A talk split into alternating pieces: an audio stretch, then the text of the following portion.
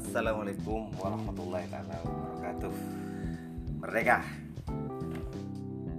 Kawan-kawan, setelah kawan-kawan menjawab enam pertanyaan yang sudah saya sampaikan tadi, sekarang saya meminta kawan-kawan untuk menilai seseorang.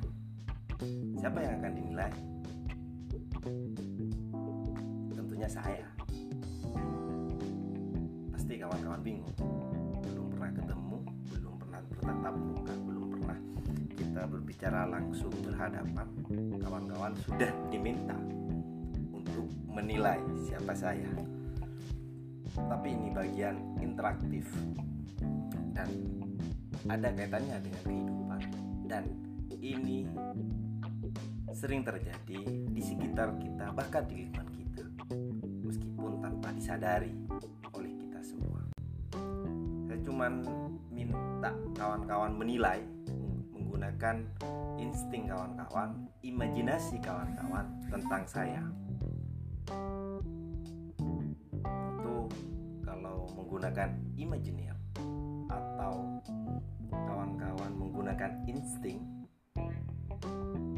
saya, kawan-kawan bebas menilainya dan tidak akan disalahkan dan tidak salah karena kita sebatas menilai karena kita akan bertemu dan akan bertatap muka nantinya untuk membuktikan penilaian kawan-kawan itu tepat atau kurang tepat akan penilaian itu sendiri.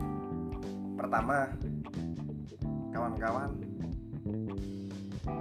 tinggal menyebutkan saja siapa nama saya menurut kawan-kawan.